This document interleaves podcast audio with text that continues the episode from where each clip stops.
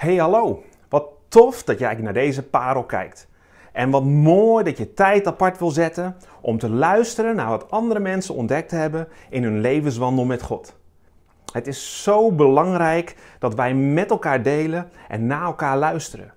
Want God heeft ons aan elkaar gegeven om samen op te trekken en van elkaar te leren over hoe God werkt in en door levens van mensen heen. En ik weet niet hoe het verder met jou gaat. Maar als we zo kijken wat er allemaal gebeurt in deze wereld, dan kan ik me wel eh, voorstellen dat je je afvraagt: waar gaat dit heen? Er is veel onrust, zoals de hele coronasituatie, of een huizenmarkt die op slot zit, of een financieel systeem dat op losse schroeven staat. En dat, dat gaat gepaard met meningen, gedachten, overtuigingen die soms haaks op tegenover elkaar staan. Er zijn veel vragen. Wat is waarheid? En dat alles heeft dan vervolgens ook nog een uitwerking op de levens van een ieder van ons. Zorgen, twijfel, eenzaamheid, tweestrijd, twist. En waarschijnlijk als je naar je eigen leven kijkt, dan kan je zelf hier ook nog wel het een en ander aan toevoegen. Voel jij je dan soms ook niet in onmacht? Hè? Zijn we dan ten diepste niet allemaal op zoek naar vrede? Is dat ook niet wat deze wereld nodig heeft? Is dat ook niet wat jij nodig hebt? Wat bedoelen we dan met vrede? Nou, ik heb het opgezocht in de Wikipedia. En de, en de Wikipedia zegt: vrede dat is een heilzame toestand van rust en harmonie. En de afwezigheid van stoornis, van twist of strijd. En het woord vrede, dat is een oud Germaans woord dat samenhangt met vrij en oorspronkelijk rechtstoestand van zekerheid betekende. Rust, harmonie, afwezigheid van stoornis, twist of strijd. vrij, een rechtstoestand van zekerheid. Kijk het naar de historie van de mens. Denk je dan dat wij mensen in staat zijn om deze vrede te brengen? Met al onze ontwikkelingen, al onze innovaties en maatschappelijke beweging, komen wij daarmee dan dichter bij de vrede waar we zo naar verlangen? En hoe kom jij dan dichter bij die innerlijke rust? die vrede, die harmonie, die vrijheid en die zekerheid? De omstandigheden in de wereld om je heen, maar ook in je persoonlijk leven, kunnen een diepe impact op je hebben. En misschien zit jij nu wel in zo'n periode waarin rust en harmonie ver te zoeken zijn. En dat je steeds tegen twist en strijd aanloopt. En dat je geen vrijheid ervaart en dat er veel zaken onzeker zijn. Hoe ga jij dan om met al die omstandigheden wanneer vrede ver te zoeken is? Vandaag wil ik je bemoedigen en hopelijk wat handvatten bieden waarvan ik hoop en bid dat deze tot steun en richting mogen zijn en ik wil daarvoor met jullie drie punten nalopen. Als eerste is het belangrijk voor ons om te beseffen dat God een plan heeft en dat Hij zijn plan aan het uitvoeren is. Het is zo belangrijk om te beseffen dat God een plan heeft met deze wereld en dat God dit plan altijd al heeft gehad.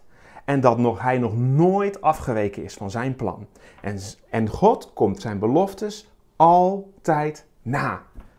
En ik kan het niet vaak genoeg zeggen, maar ik hoop dat u dit echt in uw hart prent. Namelijk dat God zijn plan begonnen is en dat alles wat er gebeurt, op deze, in, zowel in de hemel als op de aarde, alles is ondergeschikt aan zijn plan. En dat God altijd alle touwtjes in handen heeft. En dat hij nimmer het werk laat varen wat zijn handen begonnen zijn. God komt altijd tot zijn doel. En nu het meest bijzondere van het alles. U, jij, zoals je aan de andere kant van dit scherm zit, jij bent een onderdeel van dat plan. Zijn plan. Dus niet een plan van een mens wat altijd tekort komt, waar altijd fouten in zitten, maar het plan van God, de Allerhoogste, de Hemelse Vader, die alleen maar volmaakte plannen kan maken en deze ook kan uitvoeren. Hij heeft altijd alles in zijn hand en zal altijd tot zijn doel komen. We zien het door de hele geschiedenis van de Bijbel dat God plannen heeft. En dat hij beloftes geeft. En dat hij deze ook uitvoert. Zoals God dat zich ook voorgenomen had. In Jesaja 46, vers 10 zegt Gods woord dan ook. Ik ben het die al in het begin het eindigde, einde aankondigde. Van lang van tevoren wat er nog gebeuren moest. Nou, dat klopt eigenlijk ook wel. Want als wij dan teruggaan hè, naar het begin van de Bijbel en we komen bij het eerste boek Genesis en we lezen de eerste versen van het eerste hoofdstuk, dan kunnen we lezen: er was duisternis, God sprak en er was licht. En dat is eigenlijk al een hele korte samenvatting van Gods plan, welke hij dus al vanaf het begin af aan het verkondigen is. Er is duisternis, God zal spreken, hij zal ingrijpen en het licht zal de duisternis verdrijven. En dan gaat Jezaja 46 nog verder en zegt dan ook, wat ik besluit, wordt van kracht. Alles wat ik wil, zegt God, breng ik tot uitvoer. Ik heb gesproken en zo zal het gebeuren. Zoals ik het bepaald heb, zo zal het gaan. God heeft een plan en hij is in control.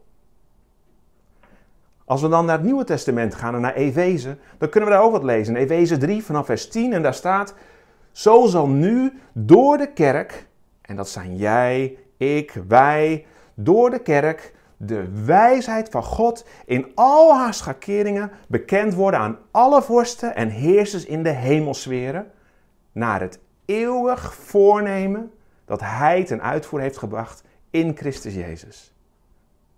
Nou, hier staat het ook.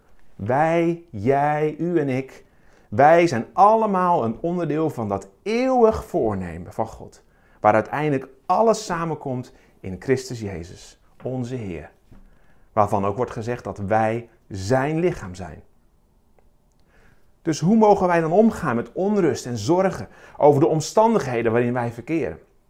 We mogen gaan staan op de wetenschap dat God een plan heeft en dat Hij alles in Zijn handen heeft. Een tweede handvat om om te gaan met onrust en omstandigheden is door te geloven. En eigenlijk klinkt het gewoon als een inkoppertje dat wij als gelovigen, als kinderen van God gevraagd worden om te geloven. Of met andere woorden, te vertrouwen op God. God vraagt ons niet om Hem te begrijpen. Nee, nog sterker zelfs, God legt in zijn woord uit dat Gods wegen ondoorgrondelijk zijn en zo ver boven ons verstand gaan dat wij als mensen zouden kunnen beseffen of bedenken. Dus eigenlijk legt God zelf al uit in zijn eigen woord dat het gewoon zinloos is om te gaan proberen om dat allemaal te begrijpen, want het gaat ver boven ons verstand. Het enige wat God van ons vraagt is om Hem te geloven, te vertrouwen op Hem. En wat betekent dat dan? Als we naar Hebreeën 11 gaan, vers 1, dan kunnen we daar lezen dat het geloof nu is een vaste grond, een zekerheid van de dingen die men hoopt en een bewijs van de zaken die men niet ziet. Nogmaals, het geloof nu is een vaste grond, een zekerheid van de dingen die men hoopt en het bewijs van de dingen die men niet ziet.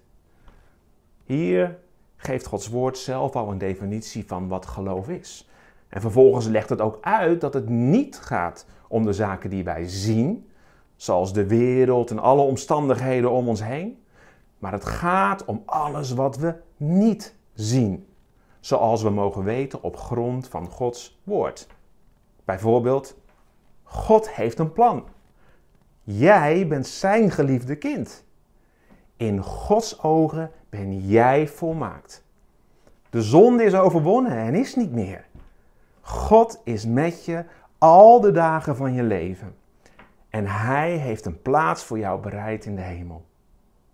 Stuk voor stuk beloftes van God gegeven aan jou als onderdeel van Zijn plan. En het enige wat God van jou vraagt is om deze beloftes te geloven. Je begrijpt het misschien niet. Je kan ze ook niet zien of vastpakken. Maar vertrouw jij op God? Vertrouw jij op Hem? Wil jij ook geloven dat dit ook waarheid is voor jou?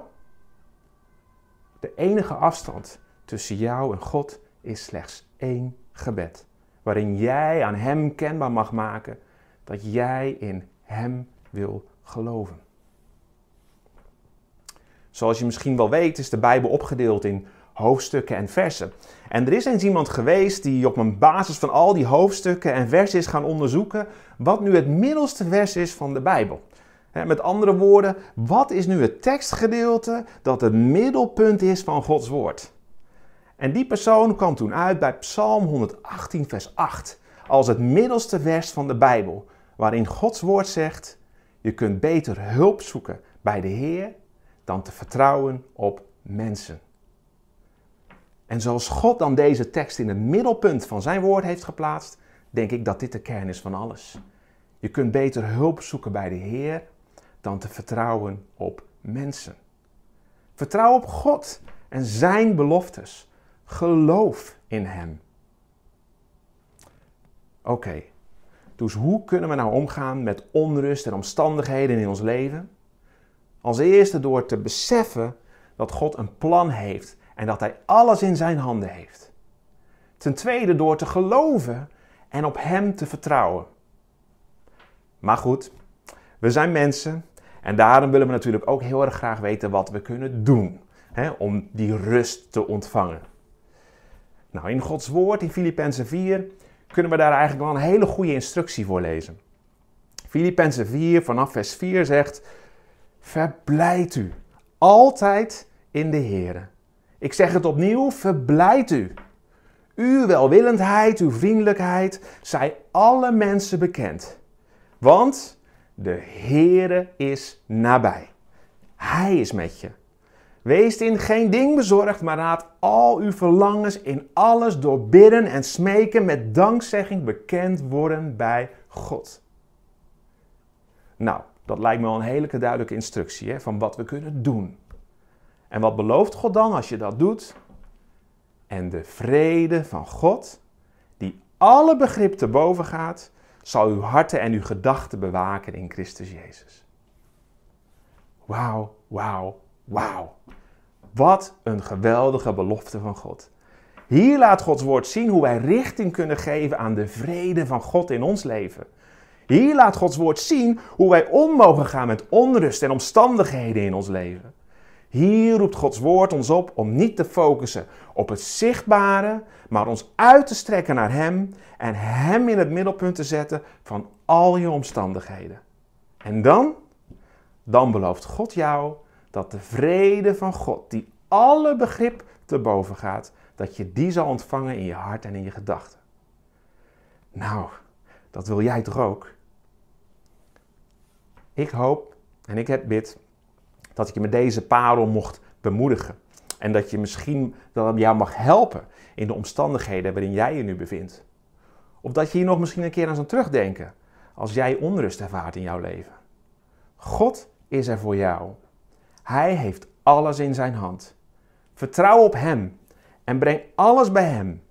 En de vrede van God, die alle begrip te boven gaat, zal uw harten en uw gedachten bewaken in Christus Jezus. Amen.